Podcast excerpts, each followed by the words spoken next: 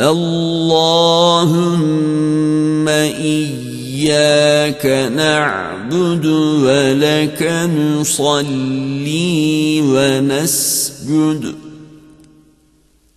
وإليك نسعى ونحفد.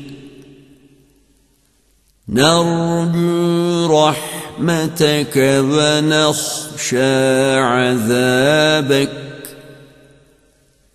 إن عذابك بالكفار ملحق